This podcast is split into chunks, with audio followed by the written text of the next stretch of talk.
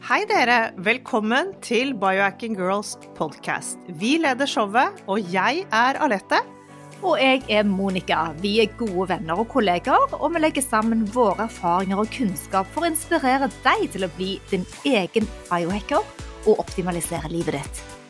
Vi følger med på ny forskning og trender, og stiller de spørsmålene vi mener er nødvendige. Ja, vi deler informasjon om biohacking, life coaching og fitness, og vi håper at du vil føle deg inspirert og klar til å ta et tak for å komme i den beste helsemessige form. Velkommen til Biohacking Girls podcast. Du har lett å tenke at man kunne stresse på seg en yngre kropp og et yngre sinn. Du, det hadde virkelig vært noe. Men det vanlige er jo å tenke at stress det er jo bare knyttet til aldring, betennelser og sykdom, og ikke til livslengde og innbygde helende mekanismer. Tenk deg de der som kan holde oss unge og friske. Ja, aldring er i vinden om dagen, og vi har lest flere bøker om temaet og årsaker til sykdommer, og hvordan livsstilen vår og tankene våre påvirker oss. Og vi forstår vi kan leve lenge, og mye lengre enn før, og øke både lifespan og healthspan ved å fordype seg i hallmarks, altså kjennetegn på aldring og årsakene og konsekvensene til det. Ja, for vi orker jo ikke alle disse diet-fadsene som går rundt, all denne plastiske kirurgien, hårtransplantasjoner eller magiske piller. Det er ikke noe for biohackere. Kombinasjonen med mange tilbud på markedet og Silicon Valleys pågående interesser og investeringer har faktisk endret vårt syn på det å leve lenge. Og vi ser at de som har veldig god økonomi, de kan sjekke inn på lengre spa-opphold og drive med sånne stamcelletransplantasjoner og sånne ting.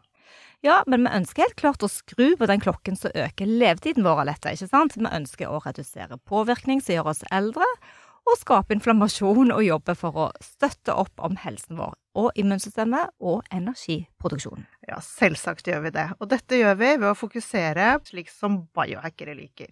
Vi beveger oss og trening, fordi vi vet jo at muskler, det beskytter oss mot aldring. Ved å fokusere på næringsrik mat, som er med naturlige vitaminer og mineraler, prøve å få i oss alt gjennom kroppen Nei, gjennom munnen. Til kroppen. til kroppen, som alle organene våre trenger. Ja. Ved å tenke på vår døgnrytme og søvnmønstre reduserer stress, som er negativt, men som vi ikke skal snakke om i dag, for å øke stresset, det gir oss faktisk helsefordeler. Ja, tenk det, men først en liten definisjon. Temaet er hormese, og det kan defineres som en prosess der en lav dose kjemikalier kan gi en gunstig effekt på levende organismer. Omtales også som adaptiv stressrespons, og begrepet oppsto i toksiologisammenhengene på 40-tallet. Men for å forklare dette litt fra biohacking-perspektivet vårt, så kan vi se f.eks. på trening. Og trening er noe som stresser systemet vårt når du løper fort eller trener med heavy eh, vekter. Fordi du sliter på muskulaturen din mens du etterpå, eh, når du har fått tilhellingen på plass, så kjenner du at du blir sterkere. Så trener man for mye, så kan man få skader, så litt er bra og gir en god stressrespons. Mens for mye kan gi skader. Ja, og i dag skal vi faktisk ta for oss disse biohackernes favorittstressere, eller hormese-strategiene. Disse kan være en nøkkelfaktor til å leve lenger med mer livskvalitet, energi, og det også å bli, unngå å bli syk. Håper vi. Temaet er hormese, og vi har med oss lege Torkil Færø til å snakke om våre utvalgte faktorer. Torkel Fære er dokumentarfilmskaper, forfatter, fotograf og en reiselysten biohacker-lege, syns vi. Han er opptatt av å få mest mulig ut av livet, og lære oss, lærte oss gjennom sin siste bok, Pulskuren, hvordan vi kan bruke målingene for å forstå hva som setter kroppen ut av balanse, og hva som roer den. Og på den måten kan vi ta smartere grep om egen helse, og i dag skal vi snakke om hvordan positivt stress kan gi oss helseeffekter. Velkommen til Biohacking Girls, din podkast for optimal helse. Kjære Torkil, velkommen tilbake til oss, kan jeg vel egentlig si til deg nå. Hva er det som skjer om dagen i livet ditt, og hvordan finner du balanse? Ja, tusen takk. Så hyggelig å være tilbake. Nå er det jo ni måneder siden vi snakket sammen sist. Det var jo før Pulskuren kom ut. Og etter det så har det jo vært som å være i en eh, sånn vaskemaskin eller en eh, tornado. Eh, for den boka tok jo helt av, og har jo vært faktisk Cappel Dams mest solgte sakprosabok dette halvåret. Hurra, fantastisk. Gratulerer. Ja, ja tusen takk. Så at, hadde noen sagt det til meg før, før den podkasten jeg hadde sist, så vet jeg nesten ikke hva jeg trodde. Tar du deg tid til å feire? Klarer du å anerkjenne det? ja jeg, jeg, jeg, tenker hele tiden på at det faktisk har fått det til, men så tenker jeg også alltid jeg vil prøve å få det mer ut også, da. Det er liksom det å være fornøyd med noe, samtidig som du er misfornøyd på samme tid, da. Så det var to tanker i hodet samtidig. Ja, fordi at eh, jeg tror alt man holder på med i livet, eh, med trening og mat og skriving og skape, så må man finne en mening bak det man holder på med. Føler du at du finner din mening? Ja, Absolutt, og jeg får jo så mange tilbakemeldinger hver dag. Altså, det er nesten, nesten for mye rent sånn praktisk sett, faktisk. Jeg, jeg får sikkert 20 meldinger, eh, mailer, eh, henvendelser fra næringsliv, folk eh, hele tiden, liksom. Så det, det, det tar mye tid, men da føler jeg også at det er mening når jeg ser at så mange har nytte av det. For det er jo derfor de kontakter meg, ikke sant. De har sett hvor mye nytte de har det, så lurer de på et eller annet. Sånn at da blir det jo veldig meningsfullt. Jeg tenker jo på et vis at jeg har gjort mer nytte for meg nå på et halvt år enn på de forrige 25 årene som lege, faktisk. Eh, sånn at, eh, at det er jo nesten 15 000 som har kjøpt boka. Jeg tror veldig mange låner den bort, så jeg tror at den sikkert eh, nådd både to og tre ganger på det. Ja, det er jeg ganske så sikker på. Men eh, i dag så skal vi jo snakke litt om et tema som handler veldig mye om det du har skrevet om, for det er nemlig hormese. Eh, og hvordan finne strategier for bedre helse. Så vi kan kanskje begynne med det. Hvordan definerer du hormese? Hvordan ville du kunne forklare det? Hormese er jo en frivillig belastende aktivitet som eh, krever en del av deg, og som du har kontroll over. Og dermed så bygger du jo en motstandskraft. Du øker kreftene dine, bygger robusthet, kan du si. Eh, og den hormetiske aktiviteten kan både være mental og fysisk. Sånn at eh, jeg vil si at en mental anstrengelse som å ta en utfordring, som å f.eks. holde foredrag eller noe sånt noe, også er en hormetisk aktivitet, da, selv om ikke det er løping eller styrketrening eller noe sånt. Også dette her med å redusere kalorier, med å spise mindre, fordi da kommer man jo å faste og disse tingene, da kommer man jo inn i denne autofagien, ja. når cellene blir fornyet og reparerer kroppen. Og dette er jo studert masse på at det forlenger livet, men det er jo absolutt en hormese. Det er jo en stresser det det, altså. for oss. Ja, ja, jeg har jo akkurat hatt en sånn femdagers eh, fasteimiterende diett. Oh, ja.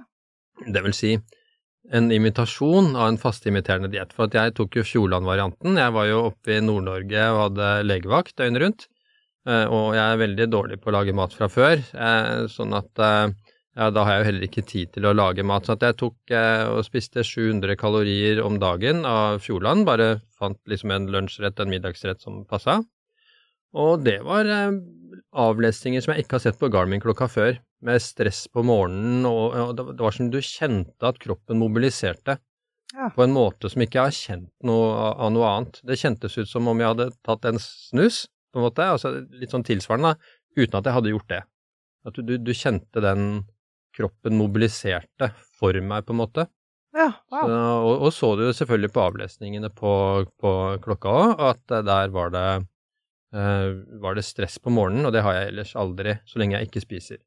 Men fra liksom dag tre og fire og fem, så var det stress, ja.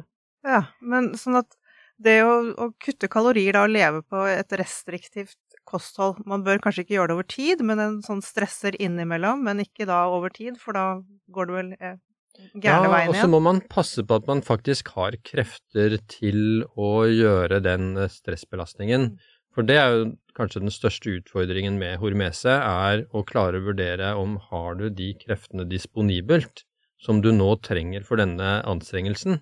Og det er jo kanskje den største utfordringen for veldig mange som allerede har en tettplakka mm. timeplan og masse andre ting på gang, og så skal de få til dette og dette, liksom, og så, så har de rett og slett ikke lagt seg opp nok ressurser da, til å, å, takle det, og så går de på en smell. Mm. Sånn at um, det er jo Man kan jo både ha for lite hormetisk aktivitet i livet sitt, det er jo de fleste, ikke sant. Sannsynligvis eh, av ti har for lite hormetisk aktivitet, eller kanskje åtte av ti, da. Og så har du kanskje én av ti som har for mye. De mm. sliter seg ut og får fatigue og går på en smell. De er kanskje sjuke, og så gjør de likevel den anstrengelsen og henter krefter de egentlig ikke har. Mm. Og det er jo fordelen med Garmin-klokkene og Ora-ringer og det å holde øye med HRV, at du klarer å vurdere om den aktiviteten du nå skal eh, foreta, om du har krefter til det. For alt dreier seg om aktivitetstilpasning, men hvis ikke du har noe mål på den, da er du i, i, i blinde, da. Da vet du ikke hvor mye du har på konto. Så bare til lytterne våre da, så er den første strategien vi snakker om i dag, er da faste, som du har snakket om nå, Torkil. Og vi lurer på hvordan kan da òg faste både reversere insulinresistens og leptinresistens? Kan du si noe om det? Faste vil jo ordne opp en del i insulinresistensen, fordi at du vil jo få et helt jevnt blodsukker. For det har også vært eh, så interessant å faste med kontinuerlig blodsukkermåler og se hvor utrolig jevnt kroppen klarer å holde blodsukkeret når du ikke du spiser. Du, du, får ikke lavt blodsukker da. Det lave blodsukkeret kommer etter at du har spist noe, eh, noe med sukker. Da får du en storm av insulin som ofte overskyter, sånn at du får for lavt blodsukker. Og da føler du deg sulten, og så spiser du noe med mye blodsukker igjen. Og, og, på den måten så holder du hele tiden en insulinflom oppe, og etter hvert som den insulinflommen er oppe over årevis, sånn som det gjerne er i vårt kosthold, da, så får du en insulinresistens, da, hvor, hvor cellene på en måte holder for øra og, og klarer ikke å nyttiggjøre seg eh, glukose, da. Sånn at uh, faste er jo kanskje den mest effektive måten å rydde opp i, i insulinresistens på og gjøre kroppen insulinsensitiv. Mm. Men også dette med stamceller, hvordan kan, kan denne fasten hjelpe oss å booste og lage nye celler? Ja, altså ifølge Mindy Pels, da, som jeg gleder meg til å høre på Biohacking eh, Weekend, så vil jo tarmcellene, altså stamcellene i tarmene, vil jo starte å måte fornye seg og eh, jeg husker ikke hvor mange timer det er snakk om, men det er vel snakk om 72 timers faste, tror jeg. Så begynner stamcellene å produsere på en måte nye, friskere celler. Før det så er det jo celledeling, men sånn som hun sier, da, jeg må jo hvile på hennes kunnskap, da, ikke sant, dette er jo ikke noe jeg har funnet ut, selvfølgelig, at en syk celle vil reprodusere en syk celle. Og når du faster over dette tidsrommet, altså noe sånt som jeg mener er 72 timer, så vil du få en aktivering av stamceller som så produserer eh, nye, friskere, mer robuste celler. Da. Flott. Og dette med mitokondriene og produksjon, hva skjer i fasten med mitokondriene? Ja, det, du vil jo på samme måte som du får autofagi altså En del av det viktigste med faste er jo å kanskje utløse autofagi.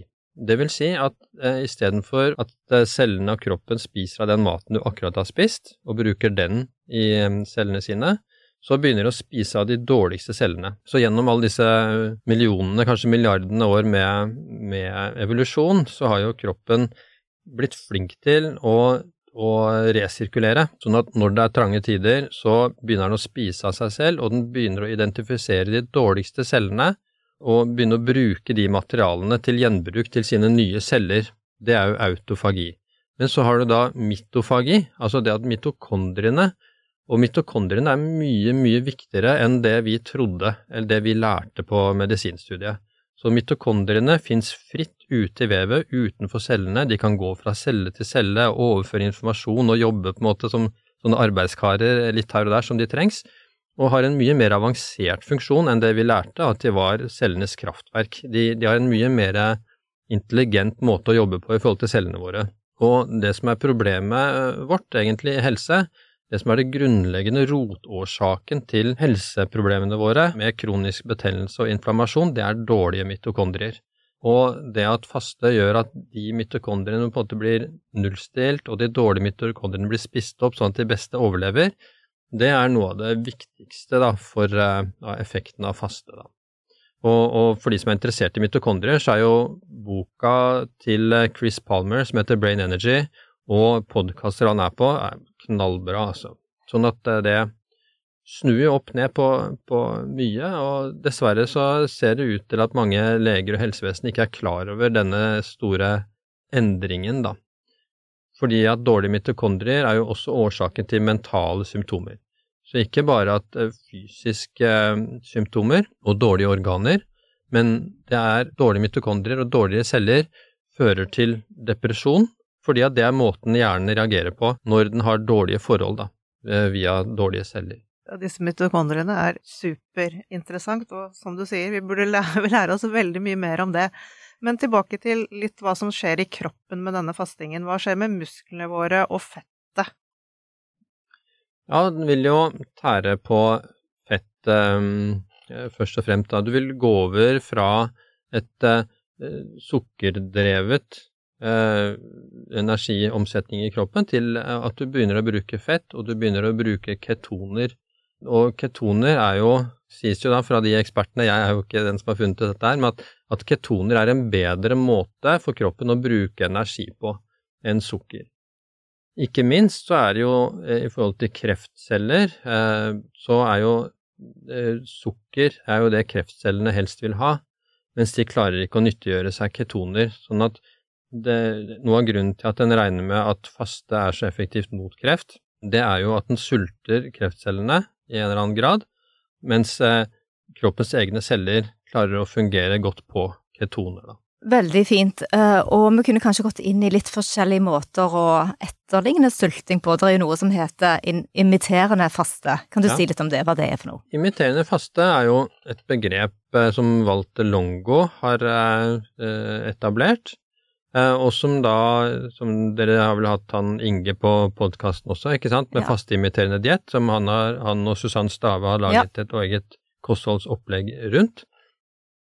Og det som det vil si, er at eh, hvis du legger deg på 700 kalorier, da, og en viss endring i sammensetningen av måltidene, da, eh, så er det såpass nære faste, effekten av faste, at det er mye lettere å gjennomføre. Det er mye tyngre å ikke spise noe, og så får du da kanskje, ja, si at du får 80-90% av effekten av å spise 700 kalorier, så er det en lettere måte å, gjennomføre en faste på, da. Jeg syns ikke det var noe vanskelig eh, på de fem dagene. Så, så, jeg kjente jo som sagt at kroppen mobiliserte, men jeg kjente meg ikke sulten. Eh, det gikk helt fint, eh, selv om jeg hadde legevakt, ikke sant, og du må konsentrere deg og være klar, så, så gikk det helt fint. Jeg kunne måle tap av muskelmasse etter at jeg testet den fem dager selv, for da var jeg oppe på, på den uh, skal, Hva heter noe av dette? Inbody scan. In scan. Og, og, da hadde jeg faktisk gått litt ned i muskelmasse, som jeg ikke hadde gjort mm. for bare tre uker siden. Ja. Så det var litt interessant. Du vil nok miste litt muskelmasse òg. Det må jo omprioritere eh, proteiner, da, kanskje til oppbygging av fra muskel og til oppbygging av andre proteiner som kroppen trenger, og som den ikke lenger får proteiner fra maten.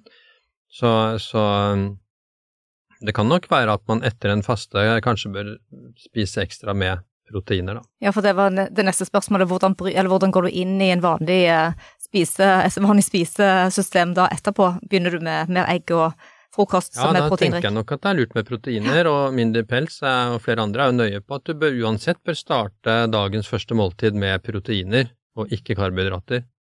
Ja, det er jo veldig De fleste snakker om det nå, at det er superviktig å starte med, med proteinene. Og det er jo også fordi da holder du deg mett, og blir jo får ikke den der hungeren etterpå, tenker jeg. Mm, ja. Mm. Men det er jo noen medisiner som er med på å etterligne kalorirestriksjonen, sånn som Metformin og Rapamycin. Uh, kjenner du til det? Kunne du si noe om hva den Jeg kjenner ikke så mye til det, men jeg vet i hvert fall at det, at det er mm, mange som mener at Metformin er en veldig god medisin. Uh, den er jo egentlig for uh, diabetes å regulere blodsukkeret, men at det er en en effektiv medisin også for longevity, da. Mm. Det er jo litt viktig ja. uh, i forhold til damer og hormetisk aktivitet. Det er jo i forhold til menstruasjon.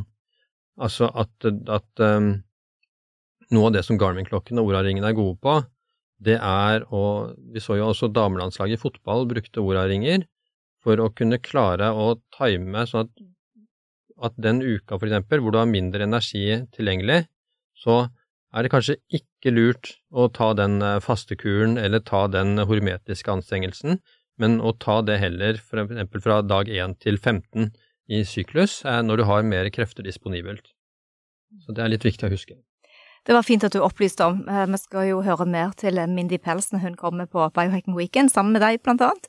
Men la oss gå videre til neste strategi eh, på denne listen over hormese tiltak og varmeterapi. Det vet jeg at du òg er interessert i, og det er en finsk studie her som hadde med seg mer enn 2000 finner, og de fant at de som brukte Sona én til to ganger i uken, reduserte risk for hjertesykdom og død med 24% mens de som økte på og var litt mer hardcore, opp eh, mellom fem og syv økter i uken, de reduserte det med opptil 52 mm. Hvordan kan sauna forlenge livet? Ja, sauna er jo på en måte en slags trening for eh, sirkulasjonssystemet og hjertet, og temperaturreguleringen eh, uten løping. Det er vel kanskje sånn man må tenke mest på det. Sånn at det å være inni varmen og svette er jo en ganske stor belastning. Det har jeg jo prøvd selv, og ser jo at det, er jo ingenting som jeg har vært med på som har gitt meg større belastning enn å være i sauna, faktisk. Eh, nå vil jo sikkert det jevne seg ut etter hvert som man har vært i sauna lenge, akkurat som en som trener mye tåler en større løpebelastning, f.eks. Men det er en ganske betydelig belastning, selv om du sitter helt stille i en eh, badstue og snakker med noen og koser deg. Sånn at, og, så vil det også varme, ifølge Susanna Søberg, eh, også aktivisere brunt fett. Brunt fett er jo brunt av at det inneholder mitokondrier, og er en slags varmeregulerende, metabolsk aktiv fett som vi har, som vi før, som jeg lærte på medisinstudiet, at vi ikke lenger hadde som voksne, og at vi bare hadde det som barn. Det er jo en av grunnene til at spedbarn, eksempel, som ikke kan skjelve, har mye brunt fett for at de skal kunne regulere temperatur med det brune fettet, og ikke med muskelarbeid, da, sånn som vi eh, eldre eh, gjør, da. Så jeg vil nok tenke at det er denne belastningen, denne lille treningsøkta det er å være i sauna, som gjør at de blir mer robuste mot hjertelidelser, da, på de finske undersøkelsene. Så, og jeg ser jo for meg at det er ikke alltid, det er ikke sikkert så mange av dem trener.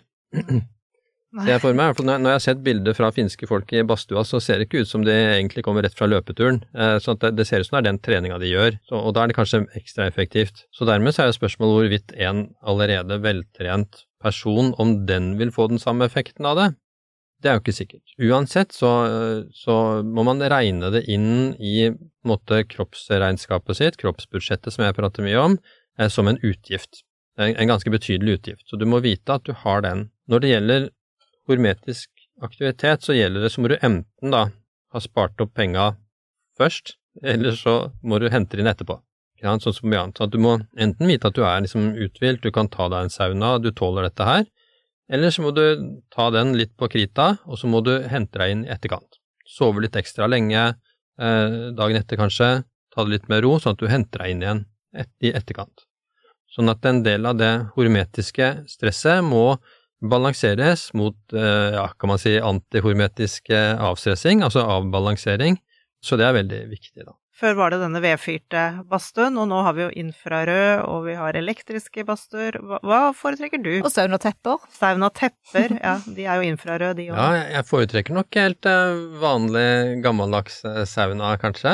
Jeg vet ikke om det er noe sånn helsemessig hensyn, men mer sjarm og tradisjon, kanskje. Ja. er jeg interessert i dette med infrarød sauna også, og rødlys og infrarød. For at halvparten av sollyset er jo infrarødt, og det ser ut som om mye av de sykdommene som vi sliter med, også har en del uh, mangel på sollys som årsak.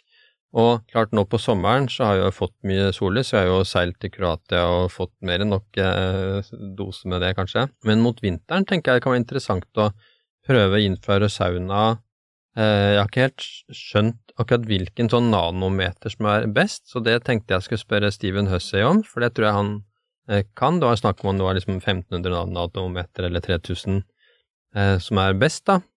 Og så får vi se om det lar seg påvise i HRV og pulsvariasjonen, da. Absolutt. Vi skal gå videre i våre hormesestrategier, og neste punkt på agendaen her er da kuldeterapi. Mm. Og det er jo et tema som har blitt popularisert eh, av nederlenderen eh, Wim Hoff mm. veldig. Men hvordan kan kuldeeksponering forbedre både humør og helse, tenker du Torkel? Ja, det merker jeg selv, så jeg bruker mer kulde enn varme. Ja da, og, og, og særlig fordi at og, og, særlig nå etter pulskuren, så er det såpass mange belastninger allerede, ikke sant, med masse podkaster, masse henvendelser, masse møter, eh, masse å gjøre. Eh, sånn at Da har jeg brukt mer kulde, for det roer ned også. Det er både en anstrengelse, men enda mer så roer det ned. Sånn at etter en kuldeeksponering så kommer jeg i parasympatisk modus kanskje to–tre timer etterpå. En utrolig beroligende effekt, altså, som jeg bruker, da. Akkurat selvfølgelig i det du er i dette kalde vannet, så er det jo eh, skrekk og gru, eh, men ganske raskt etterpå, i løpet av kanskje noen fem minutter, så snur på en måte hjerterytmen om, og blir veldig lav, og HRV går opp eh, veldig, da. Så det har jeg brukt eh, masse, rett og slett. Det aktiverer også eh, brunt fett, og det viser seg jo det at i undersøkelser at det er en, en antidepressiv effekt av, av disse kuldebadene, da. Så, ja. Det merker vi veldig, dette dopaminboostet det, kuldekulpen gjør. Og vi har en kuldekulp fra Nivashop, den er skikkelig kul. Ja, helt fantastisk. Du setter deg oppi, så hiver du isbiter oppi, og, og så øver vi oss opp, da. Alette har jo vært veldig pysete i starten for tre år siden, men, eh, men, nå har du blitt en skikkelig flink kuldebader. Jeg har fått et triks, og det er å ta opp tottene og hendene. Det eh, hør, ja. hørte jeg at det var helt innafor. Det ja. hjelper skikkelig. Og det kan du merke hvis du tar en kald dusj. Hvis du holder hendene mot dusjrollen når det er kaldt, ja, det klarer du ikke lenge, altså. Nei. Det er skikkelig vondt sånn at eh, hendene er veldig følsomme. Men det som det er fordelen med det, det er at bare å ta hendene under kaldt vann i springen Igjen, Si at du er på jobb, du er stressa et eller annet sted. Faktisk bare det å ta hendene under kaldt vann i springen roer ned. Det var en fin hverdagsformeste. Ja, ja. ja. Og det ser du jo på klokka, da, at da går en eller annen eh, viss grad. Og det som er interessant både med faste og kulde, er at det både roer ned og skjerper. Så at du får både en slags adrenalineffekt og en beroligende GABA-effekt. da. Så GABA roer ned, eh, og adrenalin gir deg kick, så du får den der konsentrerte roen, da. Sånn som du ser, ikke sant, og jeg så jo et intervju med Morten Gamst Pedersen, det er, nå er det ikke alle som følger med på fotball, men han er nå 43 år, spiller fortsatt om det er i andre eller første divisjon, eh, og så var han spurt hvordan får du det til? Jo, jeg tar kuldebad etter hver trening, og det gir jo en mye bedre restitusjon, men jeg tror nok også at det gir denne herre roen som du trenger på fotballbane, ikke sant? Ronaldo bruker kullet, jeg er helt sikker på at uh, Haaland også bruker det.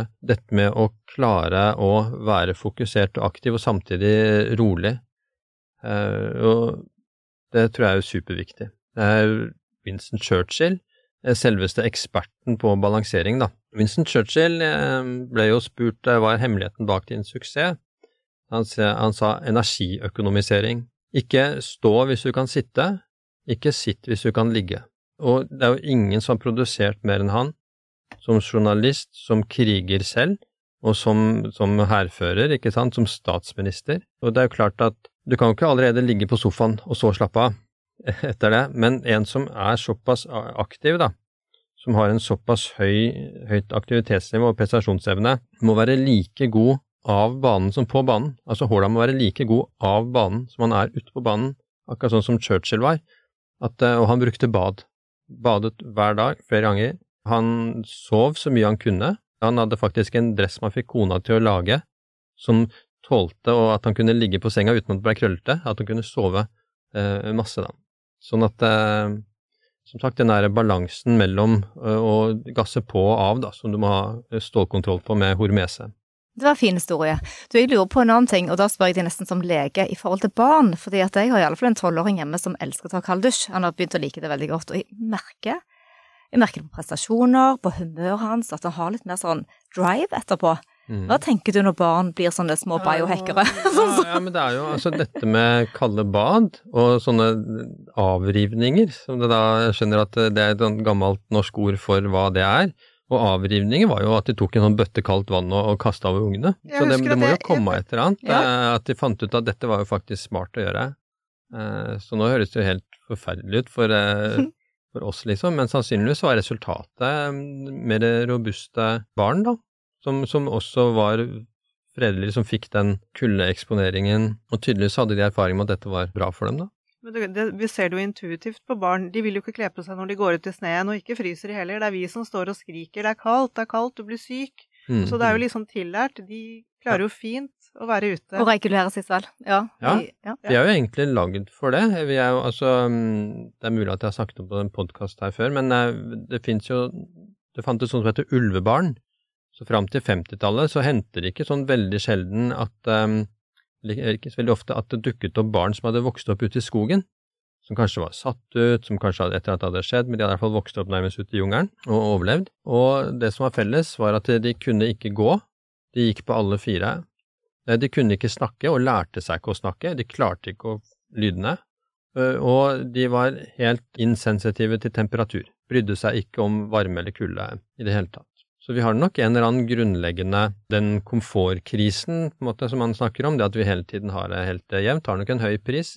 Vi er nok lagd for å være mye mer i en vekselvarme og i vekslende innsats og intensitet da, i livet. Mm. La oss gå til uh, trening, for det er òg et hormetisk stress, og snakke litt om hva som skjer når vi trener, fordi at både hjerte og muskler jobber hardere og, og ja, stimulere longevity.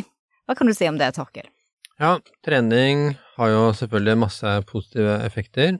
Det er jo kanskje Jeg så i går en oversikt over amerikanske veteraner og så så de at det er åtte ting som gjør at de som gjør de åtte tingene, lever 24 år lenger i snitt enn de som ikke gjør dem. Og den av de effektene som var størst, det var fysisk aktivitet. Jeg vet ikke om de mente trening med det, men i hvert fall at det var fysisk aktivitet. Og fysisk aktivitet, det skaper jo bedre hjernekoblinger. Det skaper brain-derived neurotropic factor i hjernen, som bedrer hjernekoblingene. Uh, og selvfølgelig, i de musklene du bruker, så vil du jo merke at ok, her trenger du mer mitokondrier, så at kroppen vil lage mer mitokondrier til musklene. Så muskler er blant de organene i kroppen selvfølgelig som har mest mitokondrier. Faktisk, faktisk består kroppen av 10 kroppsvekten vår, det er mitokondrier. Så det er en, uh, og 40% av hjernevekten er mitokondrier. Så, så, så, det er utrolig viktig å ha, ha, de, da. Og de ser jo også at det å ha en god kondisjon, det er noe av det viktigste for å leve lenge. Og når jeg ser dårlige kurver, da, ikke sant, jo, det er jo 2000 folk inne på pulskuren.no som deler kurver der, jeg får masse spørsmål. Ofte når jeg ser at kurvene viser mye stress, så kan vi gå inn på kondisjonen, og så ser vi at den er dårlig. Sånn at når kondisjonen er dårlig, så blir på en måte eh, alle hverdagsanstrengelser blir mer enn det de har kapasitet for. Um, sånn at også sånn sett er jo kondisjonen uh, og trening superviktig. Og, og, også selvfølgelig styrketrening eh, er viktig, og særlig også i eldre alder. Det å, og jeg som ser så mange pasienter, altså det er mye store mager og tynne lår, og, og, og de, de, sitter og sitter, mister muskelkraft. Sarkopeni. Sarkopeni, ikke sant. Og etter hvert som eh, de blir dårligere balanse, og så i tillegg ikke har muskler, så er det lett å falle. Det er vel en sånn usynlig killer? Ja. Ja. Mm. Eller jeg ser jo jeg, da, med ja. de tynne beina. Men man ser det ikke sånn i samfunnet, liksom, sant? Men Nei. du ser det ja, nettopp. Men du, jeg lurer på de som er på pulskuren, disse 2000, som får da en feedback fra deg om at det er trening og kondisjon som mangler. Blir de mm. mer motiverte? Ja, ja, de gjør nok det. Og de, og de ser jo tallet, ikke sant. Altså det er jo noe med, ok, Når du ser da at tallet står at ok, du har en kondisjon på 29 i eh, maksimalt oksygenopptak, da, i VO2 maks, ja, så skjønner at det er der, der problemet ligger da. Og ofte har de trodd at de hadde god kondisjon, for at de klarer liksom å gå til butikken og gjøre helt vanlige ting. Eh, så ser de at ok, den er svak, da. Og, og, så da blir de motivert ja, til å, å, trene, men det tar lang tid. Så det er en stor treghet i VO2 maks. Å få bedre kondisjon, det kan ta tid. Av alle disse fire hometiske tilnærmingene vi har snakket om nå, fra faste til kuldeeksponering, til varmeterapi og til trening, hvilken av de ser du er best for din HRV? Mm, ja, det er nok kulde, tenker jeg, men også trening. Jeg ser at hvis jeg har vært på en løpetur et par-tre dager etterpå, så er HRV-en bedre. Mens kulda ser jeg jo med en gang, da. Så um, det varierer nok. Jeg bruker nok alle sammen, egentlig, hvert til sitt bruk. Så det er det at man trenger bare å bruke litt og, uh, og litt, da. At du, du, trenger ikke å Det er ikke noe vits i å gå all out på trening, og så ikke faste og ikke kulde, ikke sant, og ikke varme. Mm. Det, er, det, er, bedre å gjøre litt av hvert. Sånn at det til sammen blir eh, bedre. For treningen er jo også sterkt bundet opp med hvile og god søvn, sånn at eh, ja. hvis ikke du har sovet, så er det nesten ikke noe vits å trene. Ja, du må få paybacken, ellers har du bare trent og brukt masse krefter til ingen nytte. Altså, og, og proffer, de går jo rett og hviler. Så de, de sier jo at eh, etter at du har trent, så er det viktig å gå rett og hvile. Uh, og, og LeBron James og sånt, nå sover jo tolv timer om dagen, da. Og de prøver jo å sove så mye de bare kan. Mm. Så, og, så det er jo mange håper jeg, som har vanlige jobber som ikke eh, har tenkt over, da. Ikke sant. De skal presse inn den treningsøkta mellom at de har jobba hardt og før de skal hente ungene og lage mat og Så, så da, da går det liksom ikke i hop, da. Mm. Nei, det gjør ikke det. Mm. Du, eh, Torkil, dette har vært magisk. Vi- Som vanlig. Ja. Kjempeinteressant å snakke med deg. Vi kunne sittet her i en evighet. Ja, Ja. vi, ja vi, vi kommer tilbake til flere strategier i senere episoder. Det er masse å ta tak i her. Lysterapi og oksygenbehandling og sånne ting. Ozonterapi Ja, og HPOT HBOT. Masse, masse. ja. Men uh, tusen takk. Uh, vi gleder oss til å se deg på Biohacking Weekend bare om et par uker. Ja, kjempespennende, så det Ja. gleder jeg meg veldig til. Ja, det blir Ja. gøy. Det er veldig bra. Tusen takk for at du kom og delte Tusen kunnskapen takk for at jeg fikk komme. Veldig hyggelig. Herlig. Det som er så fint, eh, er at eh, mange av disse strategiene vi snakker om i dag, eller alle, er faktisk gratis. Eh, Sauna må du kanskje ha tilgang til en sauna for å komme i. Ja. Ja. Men det er også verdt å kjøpe en hvis du ikke har en. ja. For det er virkelig Ja, jeg, jeg elsker det i hvert fall. Så det at strategiene er tilgjengelige for de fleste, det er det viktigste. For vi ønsker å være sunne, og vi ønsker å leve lenge. Og hvis du ikke har lest Pulskuren enda, for det har vi sagt så mange ganger, det er pensum. Da er det jammen på ja, tide. da er det på tide å kjøpe den. Og den boken må du nesten eie selv, for det at jeg har skrevet så mye notater i min at den kan man ikke låne bort. Den blir personlig. Ja. Ellers så handler det om å trene og bevege seg, og være så mye ute du kan. Ikke sant? Sollys, Selv om det nå blir, li, blir litt kaldere ute, vi må ut. Ja. Mm. Takk for at dere lyttet til oss, og ha en herlig uke. Og det er lov å legge igjen en liten kommentar under podkasten her, under episoden, hvis du har noe å si. Og vi skal legge link til eh, både Pulskuren og til Torkel og til alt. Biohacking weekend. Ja. Happy biohacking!